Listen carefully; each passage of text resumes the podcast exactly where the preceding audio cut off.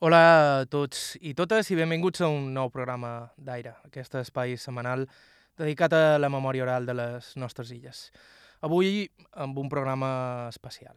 Avui no sentirem cap nova entrevista, sinó que, tenint en compte la proximitat del 8 de març, Dia Internacional de la Dona Treballadora, hem decidit aprofitar aquesta data com a excusa per recuperar algunes de les veus femenines que més ens han sorprès, captivat i marcat en el temps que duim fent aquest programa. Si la figura de la dona avui dia encara és lluny d'estar en igualtat de condicions que la de l'home en molts àmbits, massa, en el temps en què varen néixer moltes de les protagonistes que han passat per aire, aquestes diferències eren encara més pronunciades, en alguns casos abismals. I així tot, o precisament per això, resulta evident que si l'home d'aquells anys havia de ser fort i decidit, les dones encara ho havien de ser més. Havien de surar nins, cuidar de germans petits, cuinar, dur la casa, cosir i fer net, però també coir, llaurar, espolsar i suar tant homes que qualsevol home. En el programa d'avui escoltarem tres de les moltes dones que han passat per aquest programa, en homenatge a totes elles. Les coses han canviat molt i no fa tant, et cert, les coses no eren fàcils per a ningú, però molt menys per a elles. I per molt que hagin canviat les coses, n'hi ha que no han canviat prou. En el programa d'avui parlen elles i els homes callen. Estau escoltant aire a IB3 Ràdio, vos parla Joan Cabot. Començam.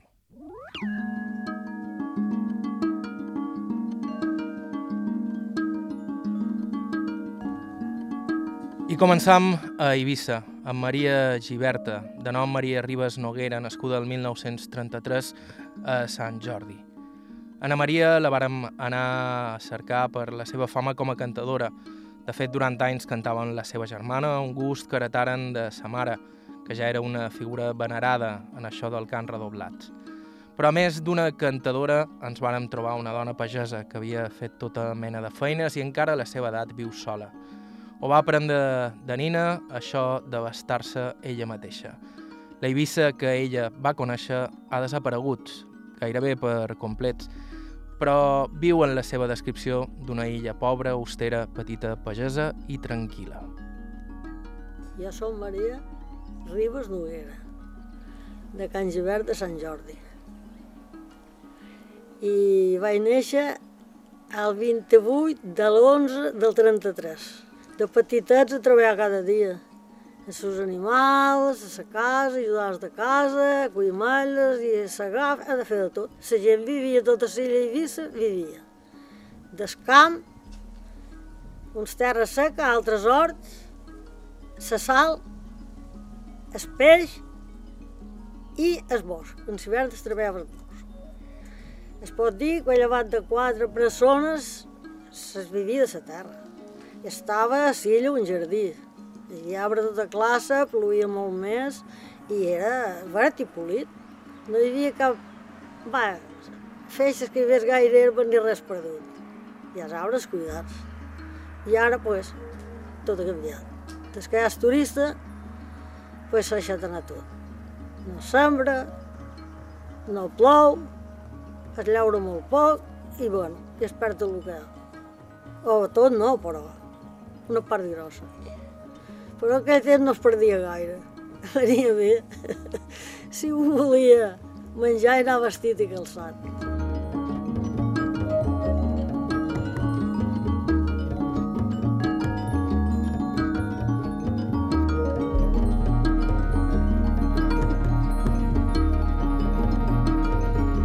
tota la vida era així, és que no...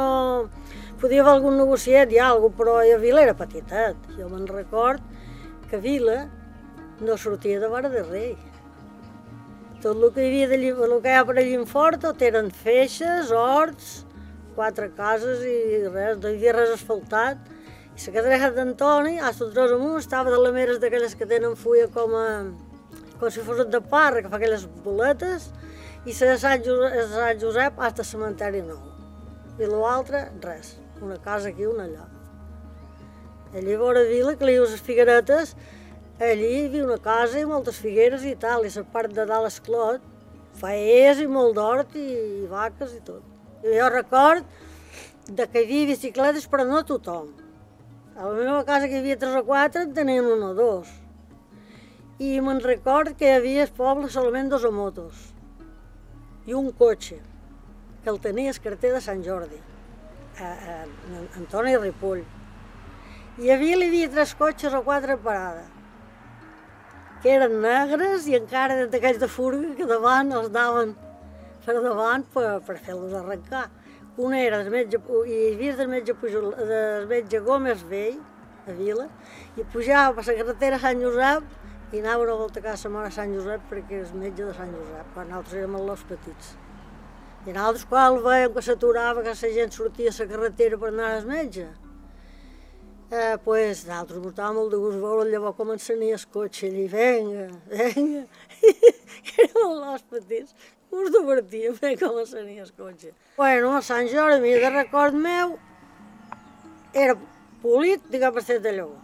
Els camins eren tots fets així de, de terra i si n'hi havia algun més d'això era pedra que la picaven a mà amb un martell i llavors feien acarretades i les tenien amb un xalindro, que agafes que veig molt antic, que anava amb madera, no sé què, i feien una remorella molt grossa, i duia una roda molt grossa i molt ampla. Ho piconaven, piconaven i allò durava molts anys. I a Sant Jordi, prop de l'església, hi havia la casa abans l'església que era Can Ribes, a Cas Sac, a Can Sala, i el car era d'en Jurat, que era del meu pare. I en tot allí no hi havia res altre. Per dia del poble i que volia anar a missa, els carros i les mules formaven amb mallers i figueres tot per veure ell. No hi havia res més. Record meu. I es passejàvem per la carretera que va a l'aeroport, tota la tarda, els dies de Sant Jordi i la tarda, madre mia anant i venguent, si anava, s'anara. Ho podíem fer si anàvem a missa, o sigui, els dies pobles, pobles matí, a la tarda altra volta, i algun dia per dir passejar un rato i anar a missa, si anàvem al cine, era el que hi havia. Anàveu sovint a Vila, des d'aquí? Bueno, sí, i més jo he havia anat bastant, perquè teníem una monja que era cosina germana papà, i li duíem un tros de terra que era seu i li duíem coses de la seva terra, i com que llavors, pues, no hi havia trats i camions de càrrega, no hi havia res. Els papals hi duien tota la madera i blat i tot el que feia falta, els hi duien la mula i carro. I hi anava en son papà.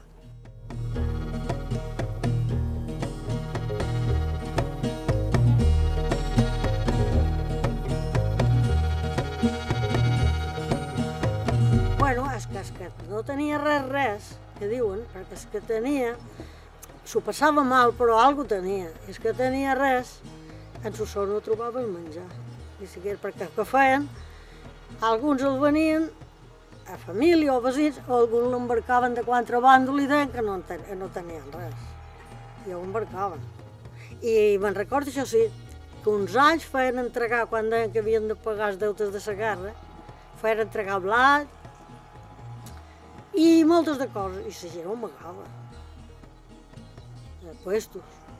El meu pare tenia un llenyer de llenya molt gros i dins el llenyer tenia garrafes de llenties, de ciurons, de, de tot, ben tapats i, i un pot de llauna damunt perquè les rates no ho agafassin, que si ho hagués ben sabut, mare de Déu.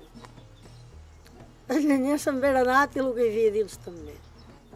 Hi havia una a Sant Jordi que contava que havia agafat la bicicleta i sous, havia rodat per Vila, per Sant Antoni, per Sant Josep, i havia donat el seu aquest sou sense poder dur res a Castelló, després de la guerra. Però això m'ho contava de més Rosseta, el mateix, el mateix que li havia passat, que tenia fills més o menys de la meva edat.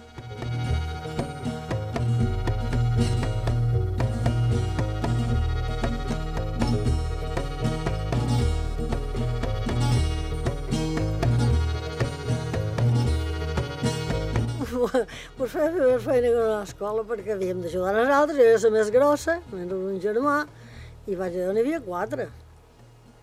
Entonces es havia de, es havia de viure. I no, sobrava, no es tirava tant com ara. A les monges, a Sant Jordi de temporadeta, i un home que també més amunt, que també que fa escola particular. Sí, no.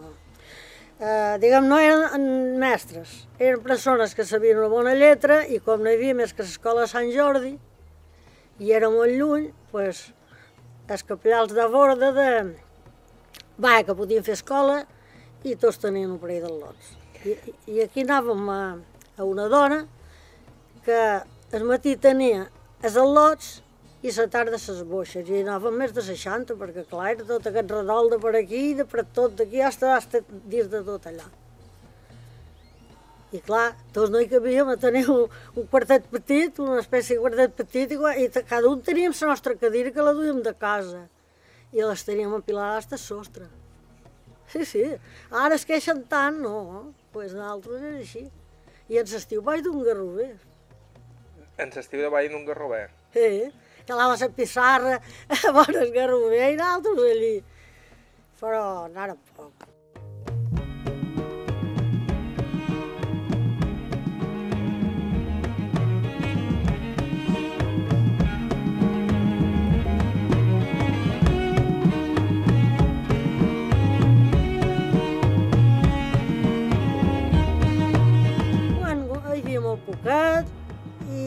Bueno, quatre cotxes i un poc de turista i molt poca cosa, sí, només hi havia uns hotelers darrere la platja en bossa i antigament només hi havia, quan jo era petit només hi havia. Hi havia, hi havia l'hotel aquell bar, bar esport, l'hotel aquell d'esport de Vila. I a Sant Antoni hi havia l'hotel Portmany i l'hotel Sabina, no hi havia altra Eivissa. I estaven buits quasi sempre.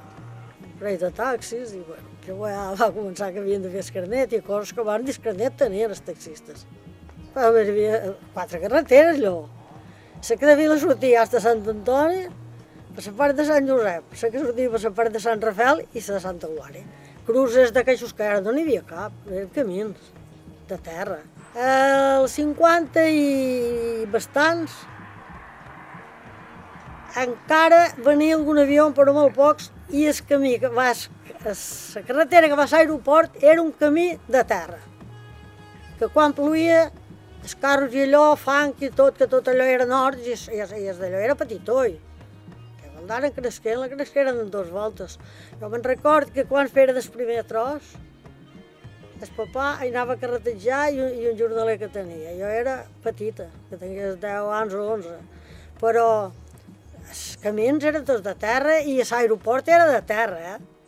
No havien tocat res, se'n va estacar un que dins les jonqueres que nosaltres no l'anàrem a veure. El papà mos hi va dur, sa mamà, el papà i els germans, que eren petitets i mos va agradar molt poder-lo veure i tocar-lo. Ja dic que allí eren tot hores, no hi havia res més que aquell trosset. I a més, a l'estiu tenien un parell de vesics d'allí que eren mijorals d'aquelles finques que eren de gent rica, de vila, de metges i abogats i gent llesta, rica, pues, tenien el bestial i el camp i, i, i a un altre camp. I quan viven un avió avisaven i aquells dies no els hi duen.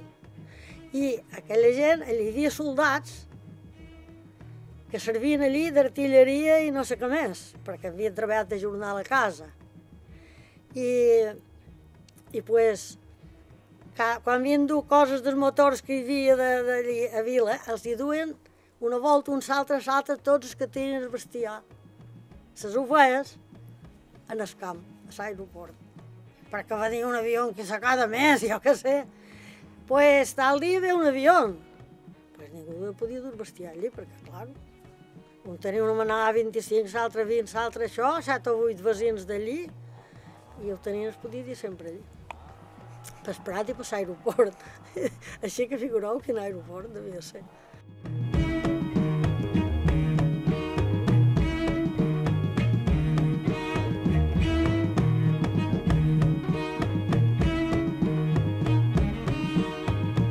Segar tot l'estiu monofaus, treballar per les eres, collir malles, esclovar-ne i, i en l'hivern ajudar els de casa a sembrar cada dia, a cavar. Es cavaven totes les soques dels arbres, tots els records de les feixes, no hi havia una herba en ninguna feixa.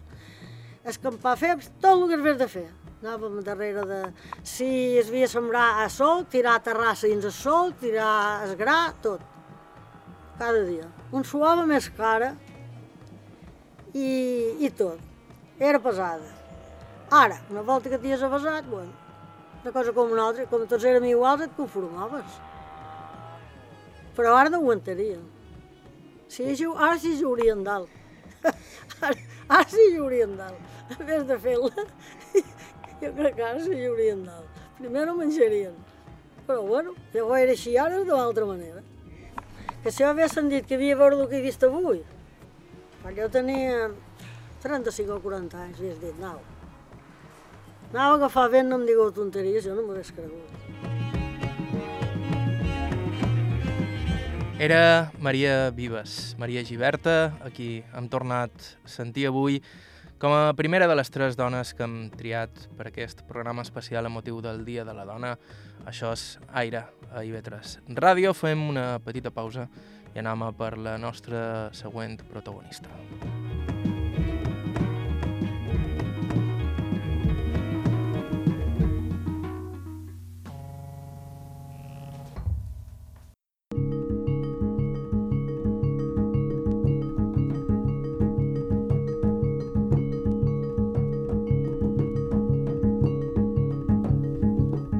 Hola de nou, estàu escoltant Aire a IB3 Ràdio, avui amb un programa especial protagonitzat per algunes de les dones que hem escoltat en aquest programa en els gairebé 70 que duim.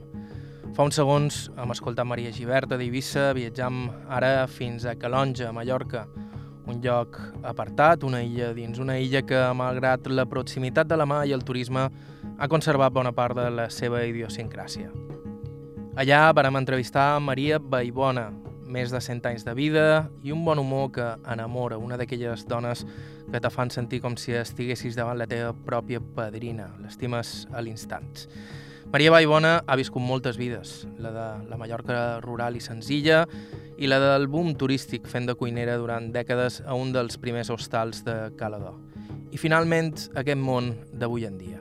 Les coses han canviat moltíssim. L'escoltam. Maria Vallbona Adrover va néixer a Calonja en el maig dia 5 De quin any? de 7. I en a què se dedicaven els vostres pares?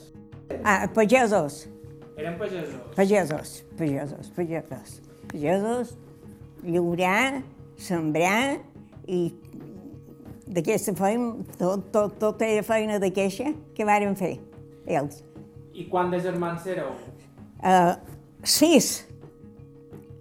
Tres de cada casta. Tres germans i tres germanes. Vos éreu la més petita? No, no, ei. Son pare d'aquest era el major, se nomia Pau. Jo, Maria. El que venia darrere jo, Biel. L'altra Catalina. I l'altra Margarida i l'altra Toni.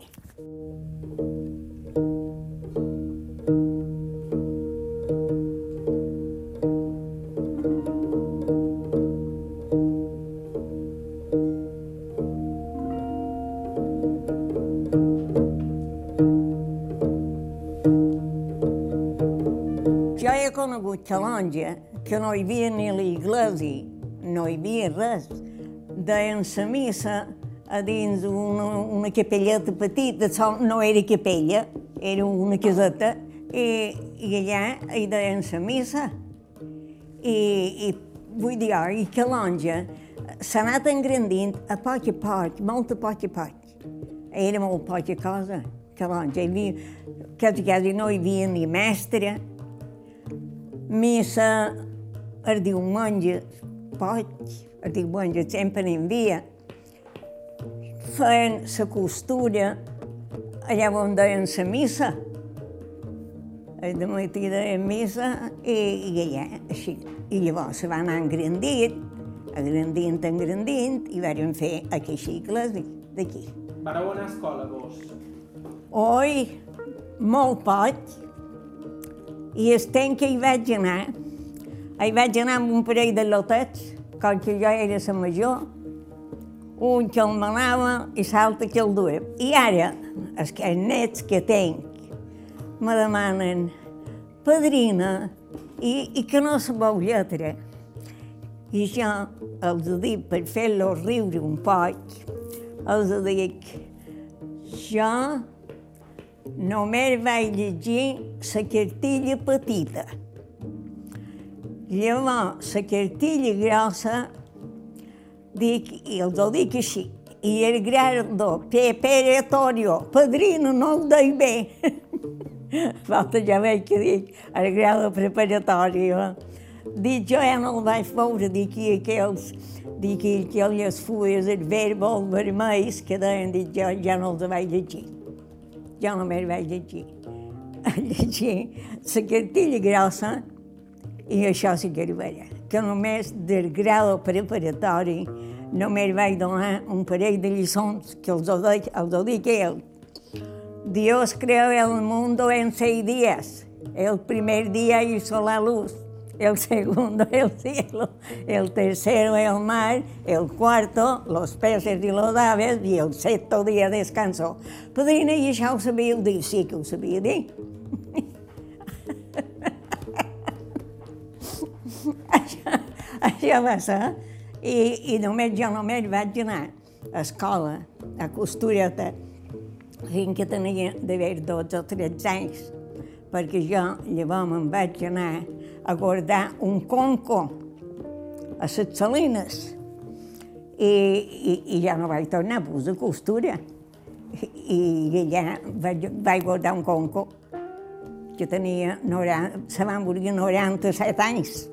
I quina edat teníeu vos? Jo només tenia 13 anys i em vaig estar dos amb una padrina. I, i l'altre temps tota sola. I no sabia cuinar, però em vaig prendre.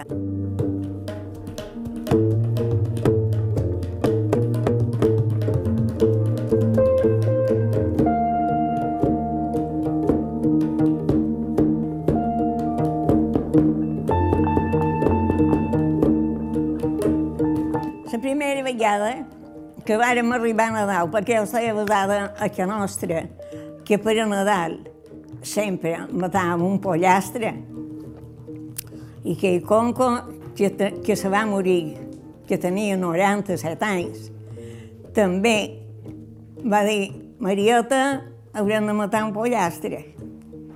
Jo no sabia de què manera com li havia d'envestir, però vai, el vaig matar i el vaig plomar. Conco, com el mos de menjar? Va dir, el podem fer amb faves cereals. I el vàrem fer. I varen les sabones. I varen posar el pollastre ben bullit, sí, pau. No vaig de riure. I, I el pollastre ben pelat, ben pomat, això sí que ho vaig fer bé. El vaig escaldar ben escaldat i ben arreglat, i trossos dins olla i un bon cuinat de, de, de, de, de pollastre i faves. Però el que sabia fer més de tot era xocolata, perquè aquell conco volia berenar cada dia de xocolata, als matins. I tenien dues escudelles, una que tenia orelles. No sabeu què és una escudella amb orelles? Una que tenia orelles. Aquella era la de menjar cada dia, de menjar guiat, cuinat i això. Llavors, una sensora és que aquesta era la de matí. I cada dia de matí, cada dia de matí, li feia xocolata. Me'n vaig anar d'aquí, que tenia d'haver 13 anys, i vaig estar fins que en tenia 17.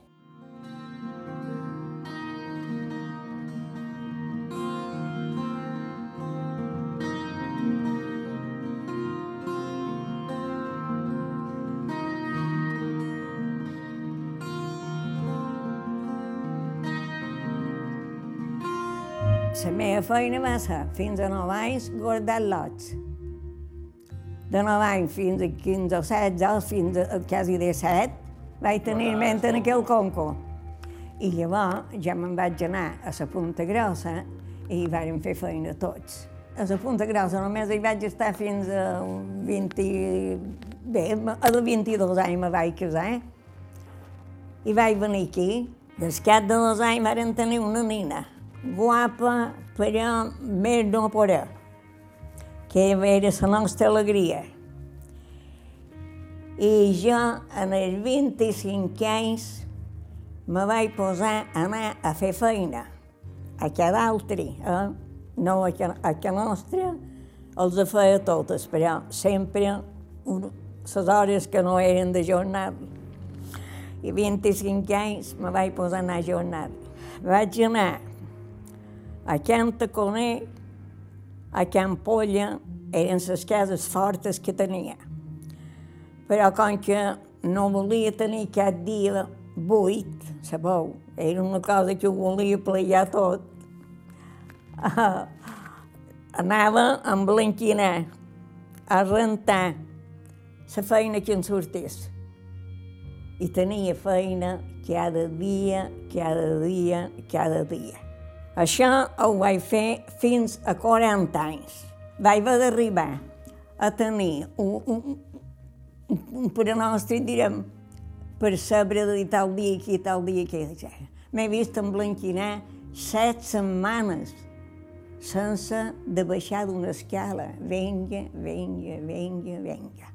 Llavors me'n vaig anar a fer feina a Calador, quan vaig tenir 40 anys. I em vaig fer 20 anys a l'hostal romano, a la cuina, de cuinera, fent bon menjar. No vull dir jo que el fer molt bo, però el que hi posàvem era molt bo, perquè tot era cosa de pastes, llagostes, xigales, era expuesto, m'era bo de tot que donàvem menjar, sabeu? El primer any hi vaig estar amb un cuiner. El segon també hi va aguantar una dona, però ja no hi va aguantar gaire. I jo n'hi vaig aguantar 20 anys. En els 20 anys, ells eh, van tornar vells, i, i tan vells i baldats, perquè el senyor li deien en Carlos Franquinet, i, la, i la senyora, la senyora Nora, ja sé que l'heu sentit anomenant això. I, i el senyor, com que el preu buia i s'enlletava, i els en varen dur uh, per risa, perquè se varen riure d'ell i jo me va, me va saber molt de greu, perquè ell era un home, bon home, però tenia aquell mal vici de veure i s'enlletava.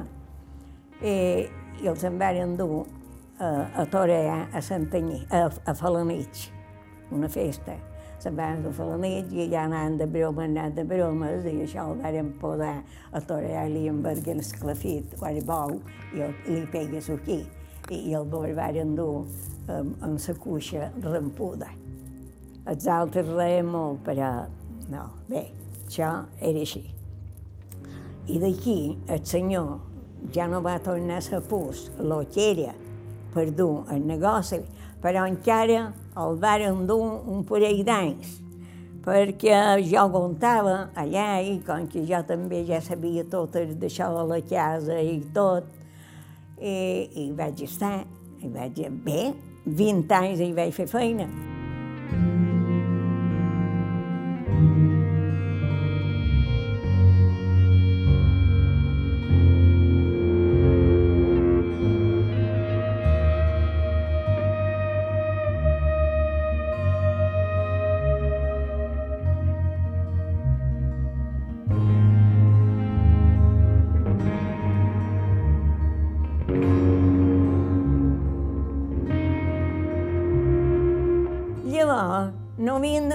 Això de botiguetes cada instant.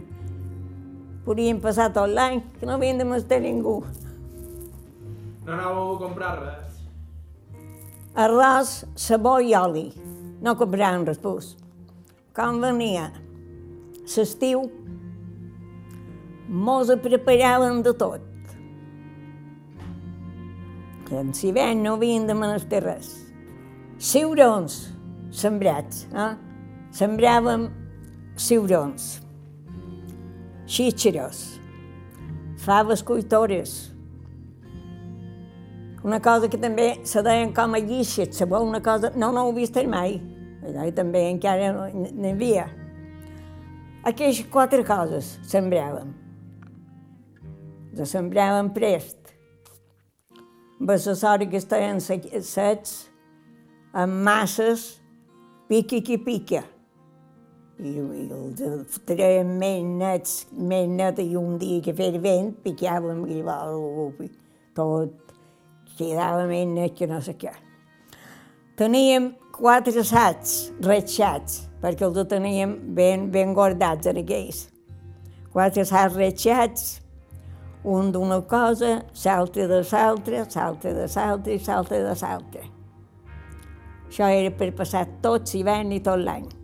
Ah, no he deixat les llenties, que les llenties també hi anaven.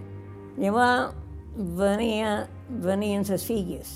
Figues porquenyes, figues burdissot blanques, figues parejals, una altra casta de figues que tenien ull de poll, que deia quatre. Un parell de peners així, de figues seques, uns acots com sa mà. I, i vos penseu que teníem por al hivern. Mos podíem escufar tot l'hivern i no tenien gent d'ansi de res. Ara llavors, dos porcs. Un porc gros per fer saïm, un altre de més petit perquè mos bastàs. A Pasco, un bon xot per, per, per les panades, que de vegades fèiem 50 o 60. I d'aquesta manera mos arreglàvem i bé, i la vida molt més tranquil·la que ara. Sí, la gent no duia rellotge. Ah, no, no, no, no havien de vestir rellotge. Pel camp hi ha un parell de castells per aquí. Mos posàvem ben drets. Les 11. Que d'una estona... No, i i és hora d'anar-nos a dinar. De què per dinar? No havien de menester més que les 11 i les 12. I llavors, com el sol se ponia, no que hi desespero, que a veure, això no és vida. Doncs bé, no en tenien cap ni un. Pots, pots, molt pots. Venia molt just els homes per anar a prendre un cafè, eh? però molt just. Molt no hi podien anar.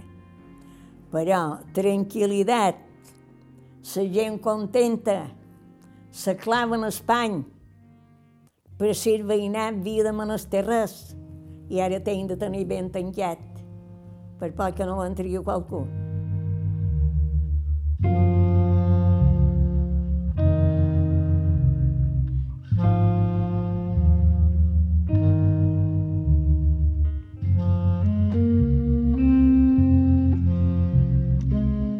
Vida d'ara, el lotets, avantatge de la vida que varen tenir nosaltres. Nosaltres varen tenir una vida molt prova, és vera, molt prova, pot d'obers, mal vestits, tot, tot això sí, tot, mos, rentava, mos havien de rentar els calcetinets, mo mare, mos rentava els calcetinets i els havia d'aixugar de vores foc, perquè tot això ni telèfons, ni, ni, ni, ni, ni, ni, ni això, no, no hi havia res, asfalt. Però tranquil·litat molta, tranquil·litat. La gent, bona gent, te podies fiar de tothom, i un estava malalt i els altres anaven a ajudar-los, saps? És tan diferent d'altres que jo com ho veig, el que hi ha dir, Déu meu, el que és. Però, què hem de fer? Res. Era la increïble Maria Baibona, de Calonja, una altra d'aquestes dones increïbles que hem tingut la fortuna d'entrevistar aquí a Aire. Nosaltres faim una pausa i en uns segons la darrera beguda del dia.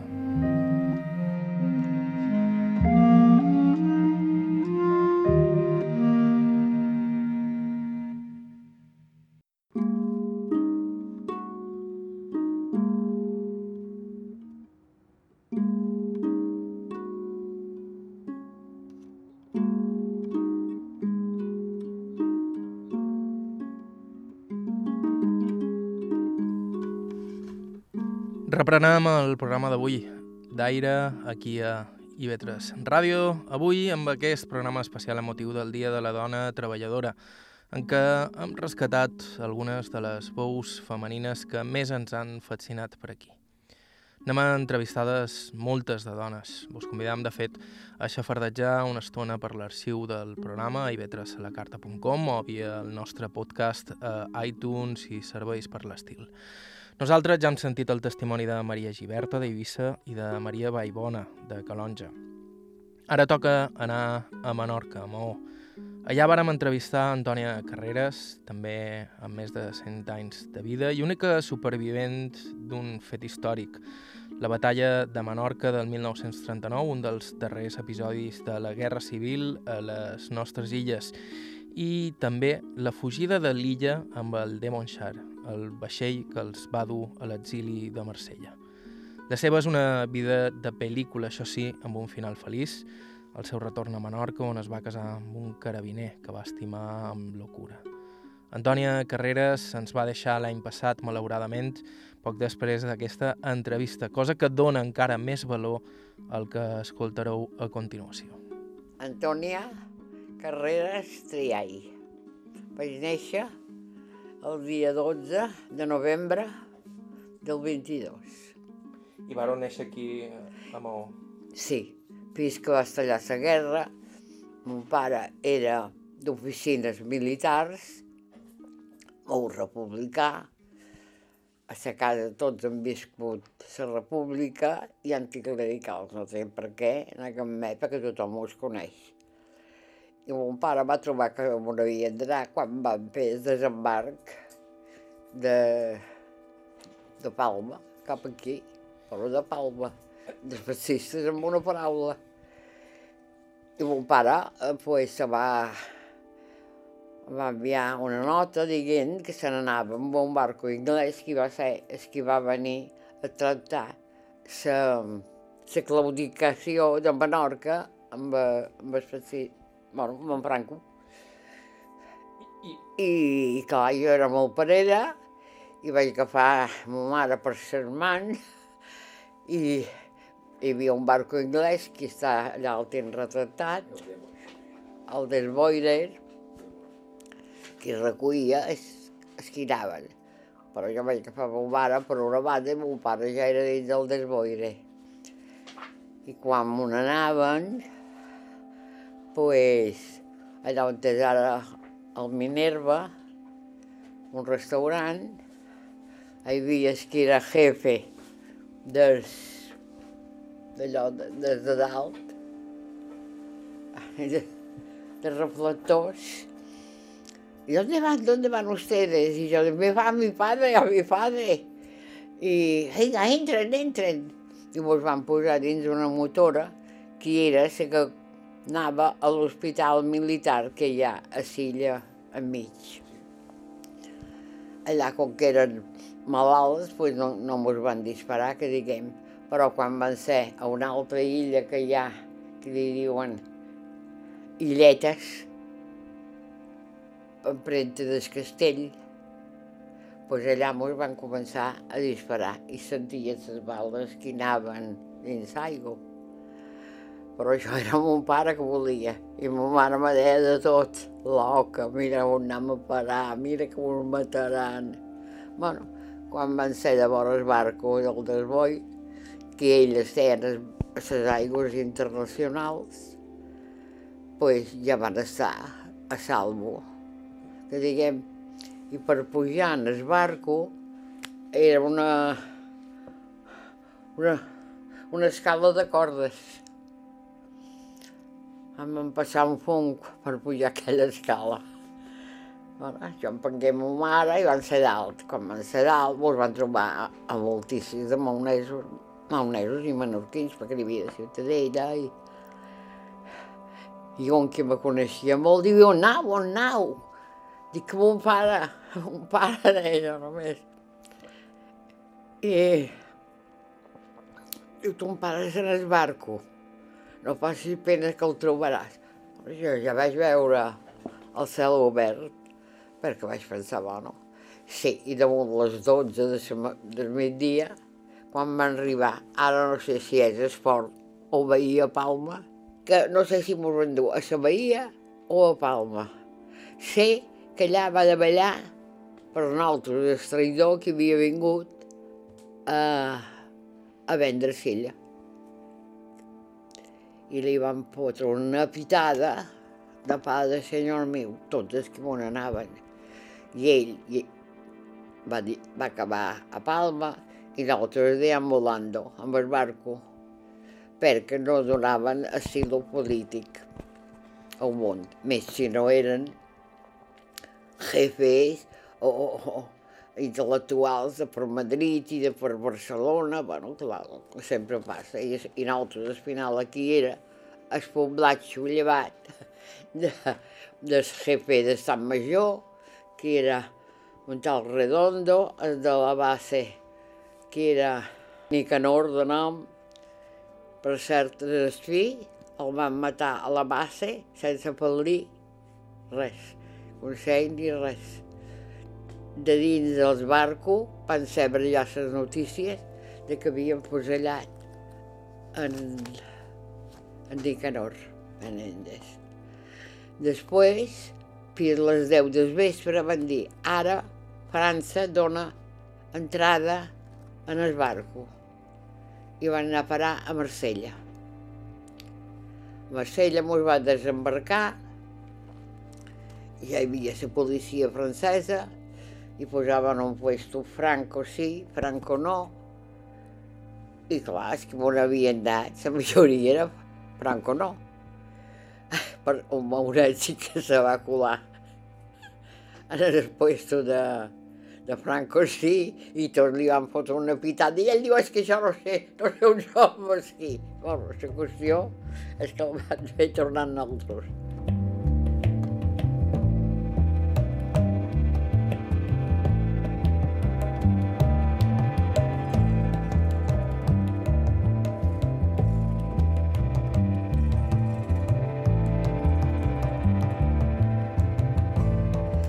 Homes, ja meu pare ja va venir i va dir los junts, no, eh? Uh, espavila i ajuda ta mare. I ells se van endur un autobús d'aquests en gendarmes i van anar a parar a la platja d'Argelers, Sirmer, que era ben igual que la platja d'aquí de la Mesquida, però sense casetes, res, res, de res de res, més que serena. I cavalls i senegalesos que passejaven per allà. Allà van quedar els homes, mon pare on estants, i nosaltres ens van dur a un departament al costat, però hi havia casetes de llenya amb matalafos i de mon pa, matalafos no, pa per matalafos i dues mantes bueno, vestides, van estar allà un, un mes, ben bé, fins que van poder...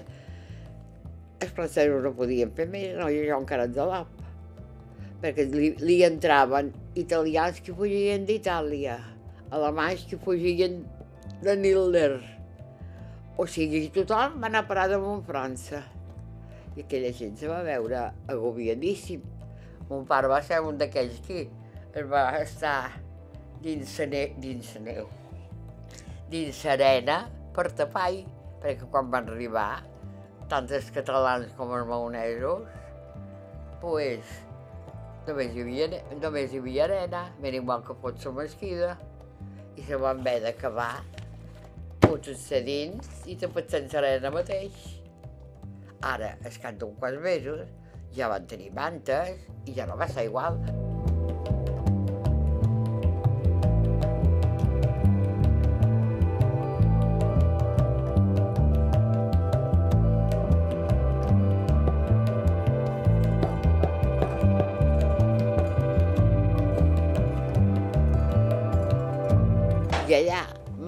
Bé. En el sentit de que era un hospital i veies, veies qui plorava, bueno, un hospital. Però el menjar, el menjar va ser favorable, van anar bé, ens donaven roba, eh, els americans també, uns que deien quàquer, quàquers americanos ens van ajudar molt i la Creu Roja també. I van estar allà. Mon pare pres va demanar per sortir del camp d'Argelers perquè era infernal i es va llistar a les brigades d'obres i fortificació que els van destinar eh, allà on molt és molt famosa, baix del, del sud de França, Marsella. Es van destinar a Marsella i allà van formar una, una brigada d'espanyols per fortificar tota la banda de França perquè ja veien que els alemanys volien entrar, bueno, van entrar a França. I ell, allà ja hi donaven, no sé què era, un pot de doblers i el Verguer. Bueno, I ells ja van navegar. I nosaltres totes estem en l'hospital de Devora Lyon. No estem malament perquè tenia llit, calefacció i menjar. Però després va ser quan van entrar a França els alemanys, que era un dia de Sant Joan. No sé de quin any, aquests anys no me'n record. Però jo era una adulteta i sa mare era Joana i sa mare anem, a los, anem al cementeri, que avui Sant Joan. Eh? Bueno, van anar al cementeri, quan van ser al cementeri vaig sentir aquelles famoses putades, pum, pum, pum, pum. I es fosser, madams, madams, dic, què hi ha? Que us maguessin, que us maguessin. Diu, entran los alemanes a París. Ah, i això, ah, no sé, que no mos moguessin, bueno, mos van fer entendre i van fer tota aquella tarda i noche al cementeri amb aquells procés, que diguem. I el matí bueno, van anar cap a Canossa, que era d'hora a León. Ells havien ocupat França mitja. I després, mon pare, com que feia les brigades, va poder venir. I, i van llogar un apartament, un apartament, que per cert, darrere nosaltres hi havia una senyora, un home matrimoni, que li havien mort el fill, els alemanys, i mos va atendre com si fóssim el bon Jesús mesquina. I sempre avisava quan sentia les putades, feia pum, pum, pum. Que mos coneguéssim, mogués. Bé, i, i això va ser fins que mon pare va decidir que no podia seguir així per jo i va escriure una germana a Barcelona a dir si me volia i la tia va dir que sí, tot d'una i vaig entrar jo per la frontera i vaig anar a parar a Barcelona. I com vareu fer el viatge? Eh? Com vareu fer el viatge? Vaig fer el viatge amb autobús. Per cert, sempre me'n recordo que una de les primeres pobles que vaig veure va ser Calle de Mahón. I ja jo no que meva. I diu, no. I a Barcelona m'esperava el meu cosí. I vaig fer dos anys a Barcelona.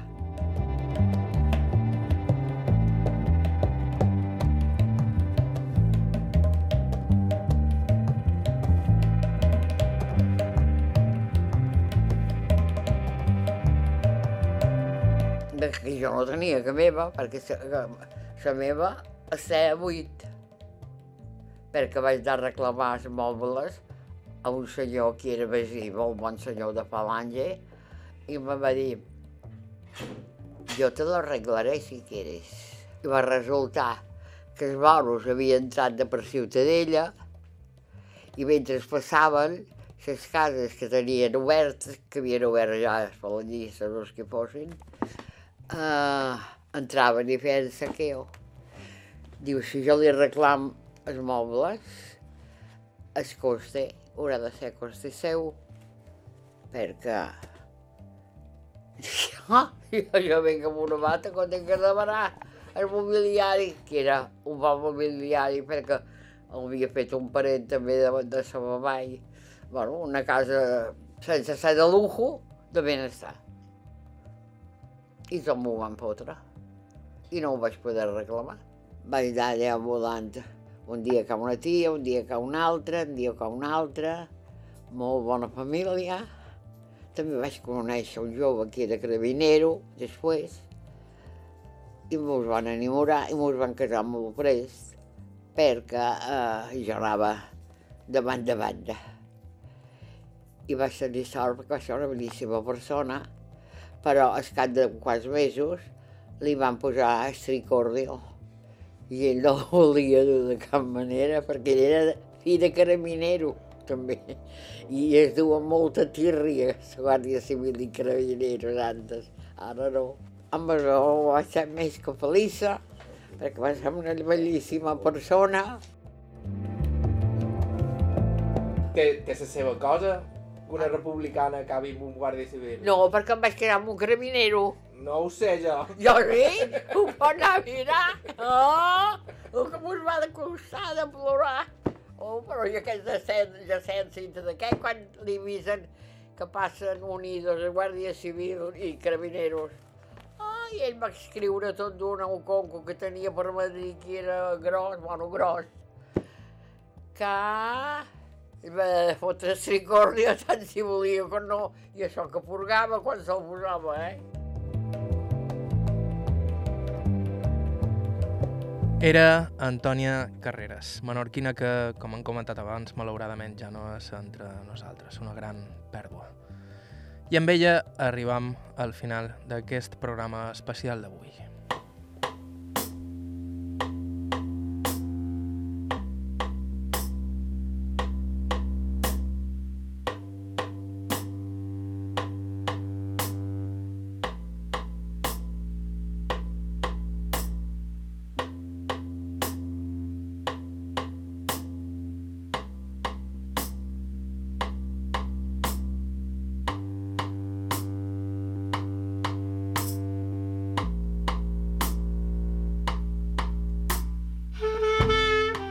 Tornem la setmana que ve amb un nou programa d'aire aquí a IB3 Ràdio. Avui, ja que hi som, aprofitant per donar les gràcies a totes aquelles dones que ens han deixat entrevistar-les. De totes hem après alguna cosa i no podríem admirar-les més. Ja sabeu que si ens voleu proposar alguna entrevista ho podeu fer enviant-nos un correu a aire.ib3radio.com i que també ens podeu seguir a Facebook i Instagram o us podeu subscriure el podcast del programa a iTunes i d'emet serveis per l'estil. L'arxiu complet del programa el trobareu a ib3alacarta.com. Bàrbara Ferrer a la producció executiva, Iker Hernández a la producció tècnica, vos ha parlat Joan Cabot. Fins la setmana que ve.